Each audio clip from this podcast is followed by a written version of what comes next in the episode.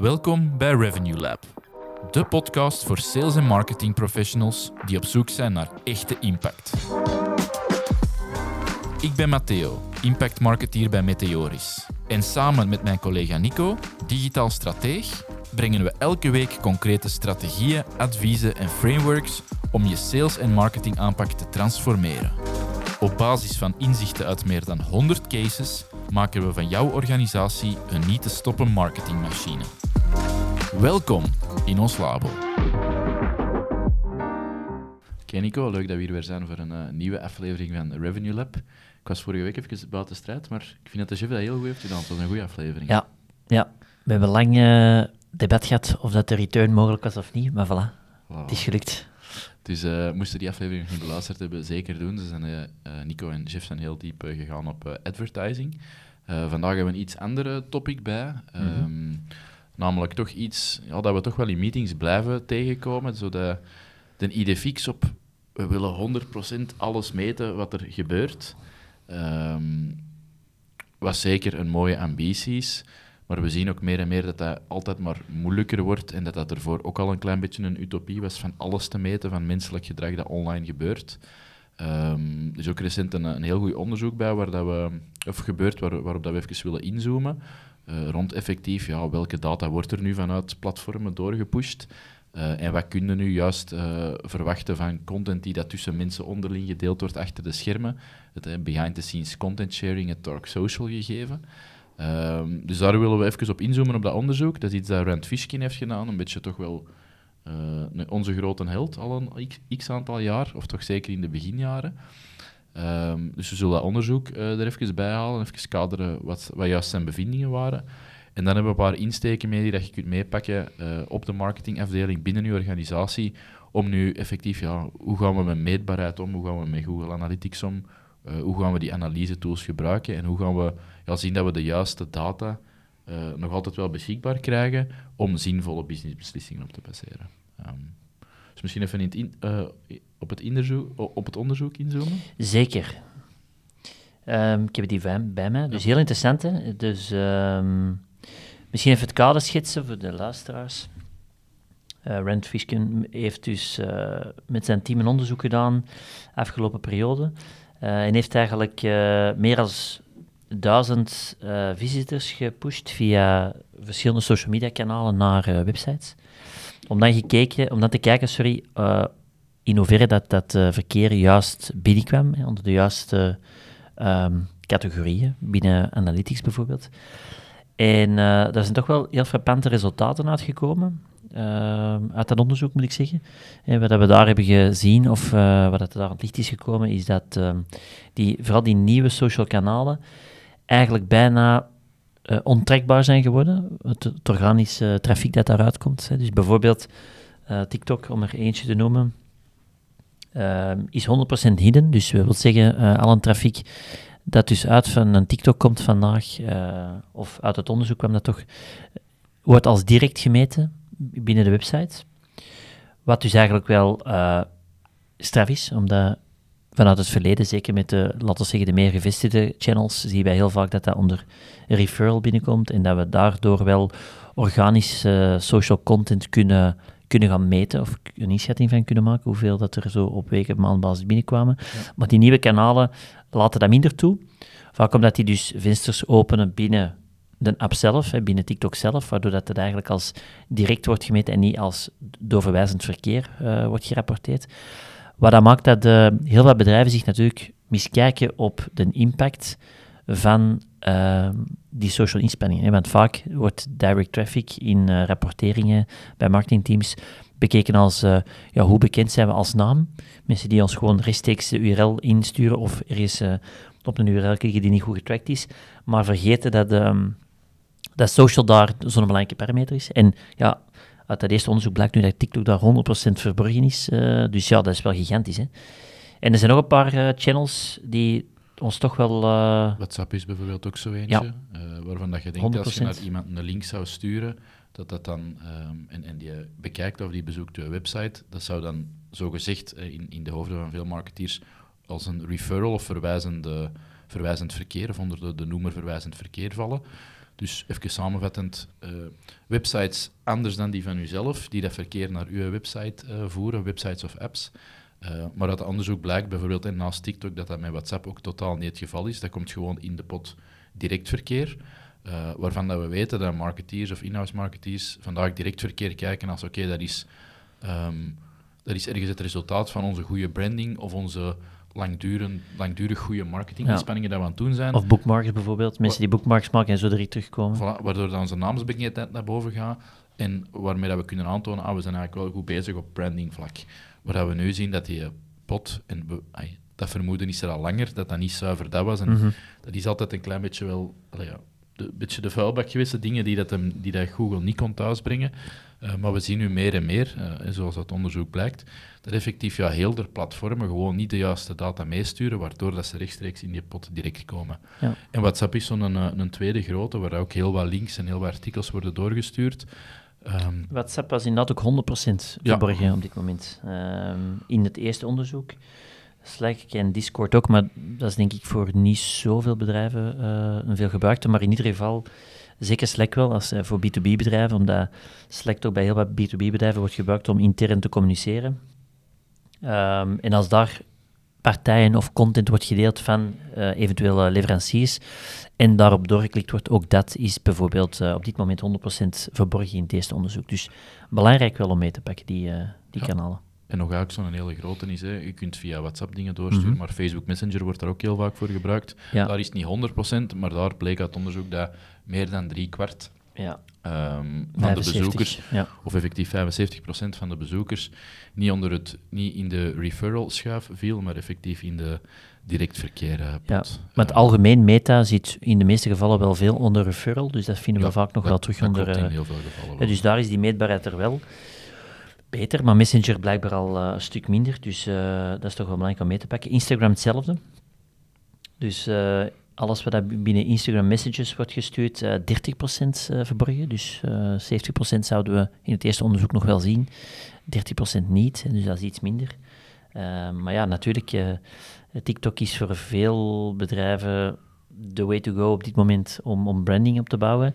Ja, als je dan weet dat 100% daar niet zichtbaar is, dat is wel... Uh, daar kunnen al snel verkeerde conclusies trekken, als voilà, je naar de data kijkt. Daar moet je op aanpassen, ja. inderdaad. Je moet weten dat, uh, dat ergens anders zit dan dat je zou vermoeden, want anders je totaal verkeerde reflexen ja. doen. Hè. Ik zal misschien nog een paar hierover lopen. Ja, uh, wat heb je nog? Ah, LinkedIn, uh, ook wel belangrijk voor B2B-bedrijven.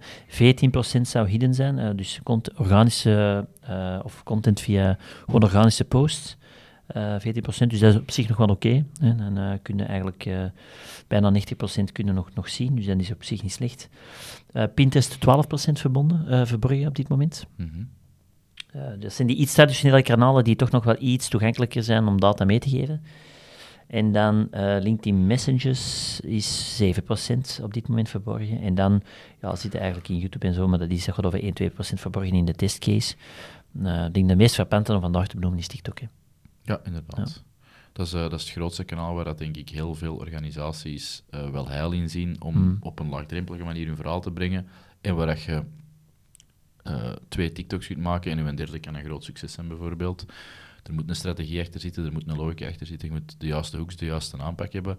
Maar daar kun je organisch echt nog wel uh, echt wat potten breken. Hmm. Ja. Ik denk dat het interessant is voor uh, de luisteraars die vandaag binnen uw marketingteam veel met TikTok bezig zijn, bijvoorbeeld, om eens een keer te kijken in bijvoorbeeld analytics. sinds het moment dat je heel actief met TikTok bezig bent en je legt je direct verkeerd ernaast, zie je daar bijvoorbeeld een patroon. Ja, dat kan al een indicatie geven dat die stijging uh, misschien uh, wel eens het gevolg van TikTok kan zijn. Um, dat is een goed vertrekpunt, denk ik, om toch een gevoel te hebben van uh, wat is onze, welke traffic genereert onze TikTok-initiatief vandaag. Nu, traffic is één, maar wat we in de vorige aflevering ook vaak hebben gezegd, traffic is zeker niet heilig. Hè. Ik denk dat heel wat, wat van de naamsbekendheid en vooral ook het, het creëren van de vraag wordt wordt gebouwd op gewoon zichtbaarheid en veelzichtbaarheid. Dus uh, dat hoeft niet altijd te resulteren in verkeer natuurlijk. Hè. Ook daar mogen we niet op miskijken. Het brengen van verkeer is niet het, uh, de sleutel voor een sociaal kanaal goed af te meten of dat, of dat, dat nu echt waarde brengt of niet. Het gaat echt over ja, zichtbaarheid, branding. Hè. Nee, want je moet dat in zijn totaliteit zien. Inderdaad, ja. als je kijkt naar impressies tegenover bezoek, dat gaat waarschijnlijk en dat zal nog positief voorgesteld zijn, dat zal 100 tegen 1 zijn. Mhm. Dus we hebben het hier nu over die één, dat effectieve websitebezoek en dat je kunt meten. Maar wat dan nog belangrijker is voor bijvoorbeeld een TikTok, en daar zullen we subiet nog op inzoomen, is de impressies dat je krijgt, eh, engagement binnen de app, ehm, ja, hoe, hoeveel beweging dat je krijgt met je content. Dat is daar dan belangrijker, want dat is even heel typisch. Dat zou een C-kanaal zijn, of zo zou ik dat bestempelen. Dat is een kanaal waar dat je relevante inhoudelijke zichtbaarheid kunt krijgen. Dus eh, we halen nu een aandachtspuntje aan eh, wat betreft meetbaarheid, maar rekent de juiste kanalen wel af op de juiste dingen. Dat blijft altijd natuurlijk het, eh, Ja. het pleidooi. Maar we geven het maar mee, omdat inderdaad, als je op basis van je analyse-tools of van, van je analytics-scherm beslissingen zou maken, ja, dan moet je dit wel weten waar het juist zit natuurlijk. Ja, ja, ja, want eh, inderdaad. Nu, je ziet het dan niet verkeerd, maar we hebben wel een paar klanten bijvoorbeeld. hè. We hebben online de vorige week nog zo'n gesprek gehad eh, met een klant die zegt van ja, ik, eh, sinds dat wij op TikTok eh, vol content aan het creëren zijn en aan het, aan het delen, voel ik een gigantische versnelling op mensen die mij aanspreken, mensen die vragen stellen, mensen die naar onze website komen met heel concrete dingen. Mhm. Dus zij voelden wel het verband, maar zij zag het niet direct in traffic. Hè. Dus ook daar zagen we dat. Hè. Dus het is soms, je moet buiten die traditionele analytics tools omgaan om, eh, om een beeld te krijgen of dat je daar impact maakt. Hè. En daar kunnen we misschien vandaag nog een paar tips delen Ja. om, eh, ja, om toch wat handvaten te geven. Want ik weet, dat is niet gemakkelijk. Ehm, omdat we uit een tijdperk komen waar dat, eh, alles meetbaar was, of toch heel veel, of dat we naar een extreme meetbaarheid gingen op eh, marketingvlak. hè. Dus eh Ja, ik dat denk afgelopen heilige- tien jaar Dat was een heilige graal. wou we, hè, is er een beweging toch ontstaan waar dat we alles meetbaar wouden maken, tot elke post, tot elke, hè, met een custom tracking enzovoort. En we merken toch sinds eh, 2018 dat dat, eh, ja, dat dat sterk afgebouwd wordt. Hè. Cookie, eh, zeker third-party cookies gaan eruit.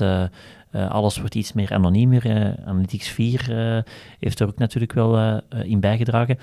En dan zie je nu dit rapport, waar dat 100% hidden zou zijn. Dus we gaan naar een tijdperk gaan, waar dat het toch iets minder één op één in analyse-tools te meten is. Of toch in ieder geval niet met de tools die er vandaag zijn. Dus dat heeft wel wat uitdaging, ik snap dat wel. Zeker ook naar verantwoording. En dan is natuurlijk de vraag, hoe gaat dat ermee om als marketingteam? Om ervoor te zorgen dat je nog altijd wel de juiste beslissingen kunt maken om de doelstelling van je bedrijf te halen. Ja, en we hebben zo'n vier eh, thema's erin Ja. mee. Ehm, de volgorde was iets anders, maar met de intro dat je nu geeft, denk je dat ten eerste misschien dat relevant is om te bespreken, is het ehm, aanvullend kwalita- kwalitatief meten Ja. van eh, Nogmaals, we, mensen die eh handraiser zijn, die contactaanvragen doen. We noemen dat hier al wel eens, of die term is al wel eens gevallen, is self-reported attribution. Ehm, dus los van de analyses of de analyse-tools dat je gebruikt, is dat een, een, een, een heel nuttig iets, een heel goede aanvulling, waarbij dat je echt heel letterlijk, het is zeker niet complex, ondanks de misschien complexe naam, Mhm. waarbij dat je de relevante contactformulieren die dicht bij de conversie staan op de website, dus offerte aanvraag, contactformulier, ehm, we moesten iets met een calculator doen of moest iets met een configurator doen waar dat daar resultaten vloeien of een test, eh, dat je effectief ook gaat bevragen in een extra lijn, hoe heb je ons juist leren kennen? Ehm, open tekstveld waarop dat ze hun verhaal kunnen doen. Eh, die, ik doe hier vandaag met een aanvraag, maar het begint eigenlijk drie jaar geleden met dat ik jullie op Facebook ben tegengekomen en jullie zijn altijd blijven hangen. Zou zo'n typisch antwoord zijn dat je daar kunt krijgen. En dan ontdek je meer wat dat de feitelijke reden was of wat de feitelijke trigger was voor iemand om u te onthouden en uiteindelijk een aanvraag te doen. Ehm, en daar komen heel waardevolle dingen uit, zeker als je op grote schaal met content sharing bezig bent. Of je zou bijvoorbeeld een podcast of een videoconcept hebben. Ja, mensen die iets kijken op hun, in hun vrije tijd, eh, of die daar een zondagse gewoonte van hebben gemaakt van uw, uw content te, te beluisteren of, of, of, of een onderdeel van hun ritueel te maken, ja, dat kunnen wij op geen enkele manier hard maken eh, of meten als we dat niet concreet vragen.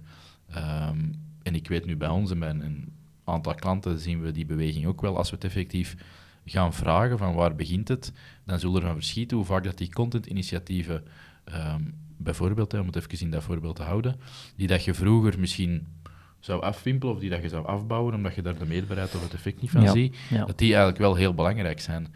Dus er is heel lang zo'n tegenbeweging geweest van ja, we gaan misschien minder content maken, want we zien daar minder het rechtstreeks effect van. Ja. Uh, maar nee, dat is toch wel effectief heel belangrijk om vragen te beantwoorden, om relevant aanwezig te zijn op een inhoudelijke manier. Uh, en dat kun je alleen maar ontdekken door, ik zeg het nog eens, die self-reported attribution, wat dus niet meer of niet minder is dan gewoon een extra tekstveld waarin dat je vraagt naar hoe hebben we ons juist leren kennen. Ja. Ja, of in de eerste gesprekken met klanten, of uh, in het algemeen met klanten spreken. Hè? Ja.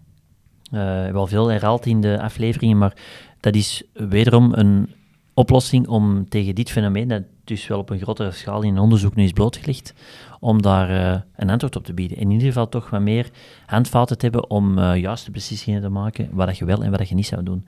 En inderdaad, wij doen dat nu zelf, denk ik een, een tweetal, ja, een kleine tweetal jaar. Um, en wij zien dat heel veel van die contentinspanningen terugkomen, maar dat zien wij nergens in onze rapporten. Hè. Dus uh, ook daar, als wij daar puur op vanuit uh, gingen, of zouden gegaan zijn, dan, dan, hadden we, ja, dan hadden we verkeerde beslissingen genomen. Dus ook daar uh, probeer dat echt in, te, in te bouwen in uw, in uw werking volgend jaar, om er zeker van te zijn als je nieuwe inspanningen of nieuwe initiatieven opzet, om op grotere schaal uw doelgroep te bereiken, dat je die niet afketst op een verkeerde maatstaf of verkeerde kwantitatieve data. Ja. ja.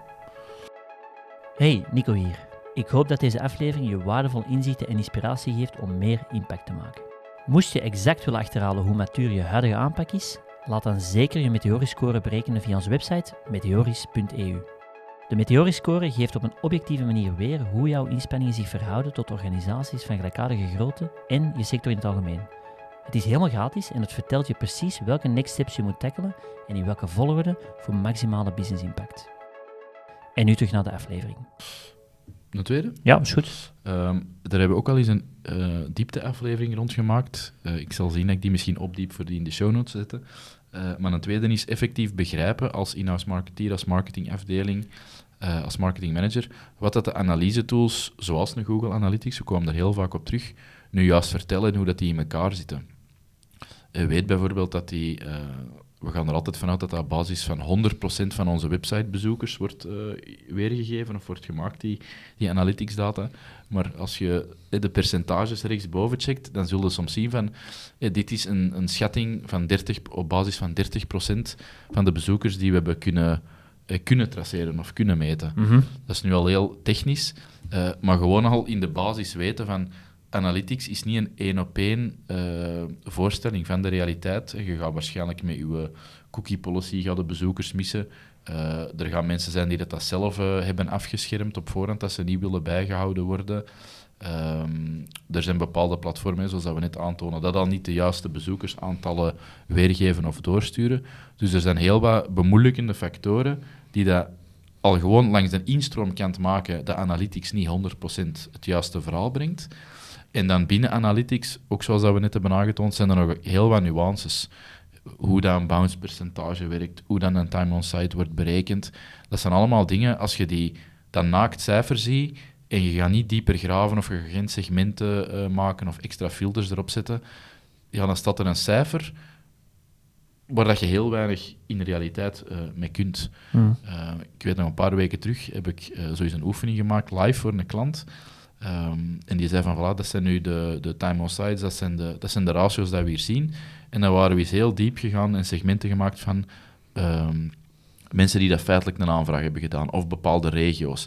En het is maar door zo heel granulair te gaan en door, door daar te, vergelijkingen te maken en te gaan kijken, dat je er waardevolle dingen kunt uithalen. Maar gewoon de naakte cijfers aan zich, en zeker als je dat niet 100% begrijpt wat erachter zit, ja, dan is Analytics een heel moeilijke tool om iets uit te halen. Ja. Dus daar, daar diep in graven zonder u in te verliezen. Uh, niet al die data is belangrijk, maar je moet wel weten hoe dat werkt om daar een klein beetje mee te kunnen spelen en om daar feitelijke inzichten uit te halen. Ja, en ik vind ook dat dat niet meer uh, het, allez, dat, dat, dat is een belangrijk, of dat is een interessant medium om zoiets uh, dat je er op de website of je platform te analyseren, maar dat is niet meer de hub. Nee. Wat ik vind dat vijf jaar geleden was dat de plaats voor meer, al uw inzichten, ja. maar dat is echt in belangrijkheid heel sterk naar beneden aan het gaan. En dat moeten we gewoon beseffen, denk ik. Um, CRM gaat daar belangrijker zijn. Het zelf bevragen zal belangrijk, een, een, belangrijke aanvulling zijn om, die twee, om met die twee tools eigenlijk uh, een beter inzicht te krijgen. Hè. Uh, een derde stuk is um, ja, salessnelheid uh, meten en dat op basis van instroombron. Ik denk dat dat ook een heel interessant is. Als je zelf gaat bevragen van ehm, hoe dat mensen uiteindelijk tot, tot bij u zijn gekomen. En je kunt dan gaan kijken hoe snel van, vanuit de verschillende initiatieven dat zij door, u, uh, door de pipeline gaan of hoe snel dat zij bestellingen plaatsen. Dan ga je een, uh, een veel beter beeld krijgen van de kwaliteit van uw contacten per instroombron dan dat je dat puur zou meten in, uh, in analytics. Dus ook daar, uh, sales velocity dat was, of deal velocity, hebben we ook eens een paar afleveringen over benoemd, of over uh, dieper ingegaan. Maar dat is ook hier een interessante, denk ik, om dat per instroomkanaal eens, eens op te lijsten. Maar ook hier heb je dan weer dat kwalitatief inzicht nodig. Hè. Aanvullend, sowieso. Want als je puur uitgaat van de, en dat is een punt, dat is wel een belangrijke nuance, als je daar puur zou uitgaan van de, de standaard categorieën die in je CRM zitten, of die via Analytics doorkomen, dan gaat ook weer verkeerde beslissingen maken. Want dan gaat zeggen, ah, direct verkeer, want omdat dat in vaste categorie zit, hè, je zit met direct, je zit met paid, je zit met referral, je zit eventueel met, met e-mail dan als, als uh, source, ja, dan vertrekt dat vanuit de verkeerde basis, omdat eigenlijk die basis in heel veel gevallen verborgen is. Hè. Dus uh, dat is het verhaal wat we net hadden verteld. Dus uh, probeer daar niet van de standaard analytics uh, uh, sources te vertrekken, maar probeer daar echt wel met categorieën te gaan werken. Ja, Eigen categorie, idealiter. Definieert een handvol ja. metrics per fase. Ja. En wij gebruiken heel traditioneel seating do. En zit daar nog naast sales velocity, waar dat vier parameters in zitten. Ja. En dan, heb je, dan gaat in totaliteit misschien 10 KPI's hebben, 10 metrics, die dat je opvolgt en waar dat je kwartaal per kwartaal groei in probeert te maken. Um, die dat je dan inderdaad per, per instroombron naast elkaar gaat zetten, zodat Ja. je het vergelijk kunt maken. Google Ads brengt zoveel, Facebook brengt zoveel. Um, dat is een zinvolle manier om ermee om te gaan. En ik denk dat er voor heel veel organisaties een, ja, een zotte verademing moet zijn, omdat die vandaag, die kijken zo naar alles, die proberen alles van cijfers aan te raken. Tegenover als je die tien consistent zou doen, Mm. dan ga je veel meer de juiste dingen kunnen beïnvloeden om stappen vooruit te Ja. zetten. Ja. Ja, en de laatste, misschien nog wel de belangrijkste, ehm, dat we het een deel gaan moeten loslaten gewoonweg. Dat we een volledige meetbaarheid, een 100% meetbaarheid uh, op digitaal vlak kunnen realiseren. Hè. Um, de, zeker met alle privacy-initiatieven uh, die er gebeurd zijn de afgelopen vijf jaar, is het toch, uh, ja, moeten we dat gewoon beseffen, dat dat niet meer de realiteit is. En we kunnen streven naar het bouwen van een eigen database, een eigen CRM, waar dat we kwalitatief inzicht gaan uh, opbouwen en, da en daardoor um, een beter beeld krijgen van waar dat de echte beïnvloeding zit. Maar weet gewoon dat het niet meer 100% in de toekomst meetbaar zal zijn in uw, uh, in uw huidige analytics tools. Um, dat is gewoon een besef, denk ik, dat moet groeien binnen het bedrijf, maar dat is iets uh, wat we niet gaan, niet gaan kunnen veranderen, denk ik. Nee, want je kunt UTM-tagging, URL-shorteners... Ja zelfs als je dat allemaal perfect doet, gaat dat nooit 100% uh, realiteit hebben. Um, gewoon puur al omdat dat niet gaat, technisch gezien. Hmm.